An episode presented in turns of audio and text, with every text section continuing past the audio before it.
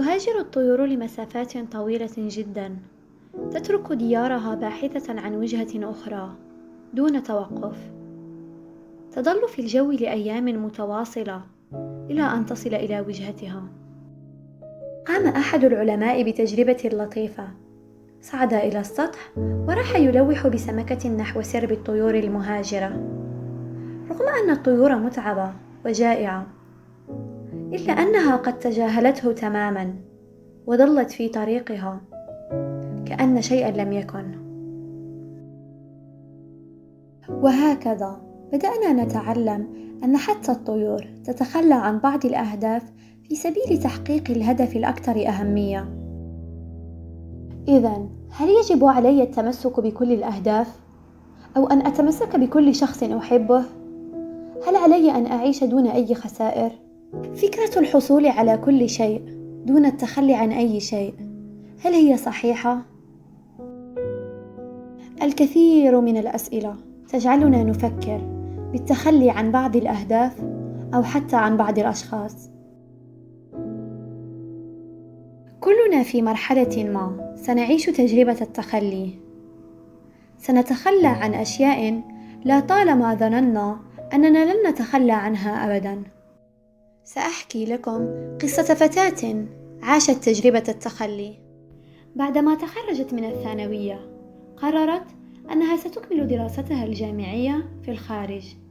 الشيء الوحيد الذي كانت تفكر فيه هي الطريقة التي تستطيع من خلالها الوصول إلى هذا الهدف.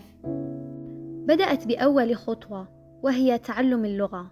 بعد سنة أكملت المستوى المطلوب في اللغة، وها قد حان الوقت لتطبق كل ما خططت له. لكنها قد فشلت حتى قبل أن تبدأ. بدأت تسأل نفسها: ما الذي قمت به بطريقة خاطئة؟ لتجد أنها في سبيل تحقيق هدفها أهملت صحتها النفسية وعلاقاتها، أهملت كل شيء. اكتشفت أن هذا الهدف سلب منها سعادتها وحبها للحياة.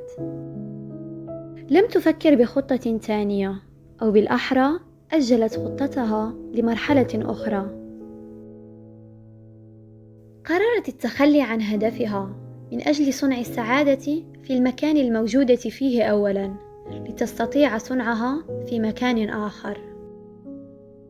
هذه ليست سوى قصتي مع التخلي عن الأهداف. الآن أنا أكثر سعادة. لم أعد في سباق مع الوقت. أمشي بهدوء نحو هدف جديد. لكن هذه المرة اخترت هدفي بحب وبمنطقية. من الجميل أن نختار أهدافا كبيرة، لكن دائما اربط الهدف مع واقعك. أما التخلي عن الأشخاص وإفلات أياديهم، نحن أحيانا بحاجة التخلي عن الصورة التي صنعناها لهم، وعن المعتقدات التي تصورناهم بها، لكي نرضي أنفسنا.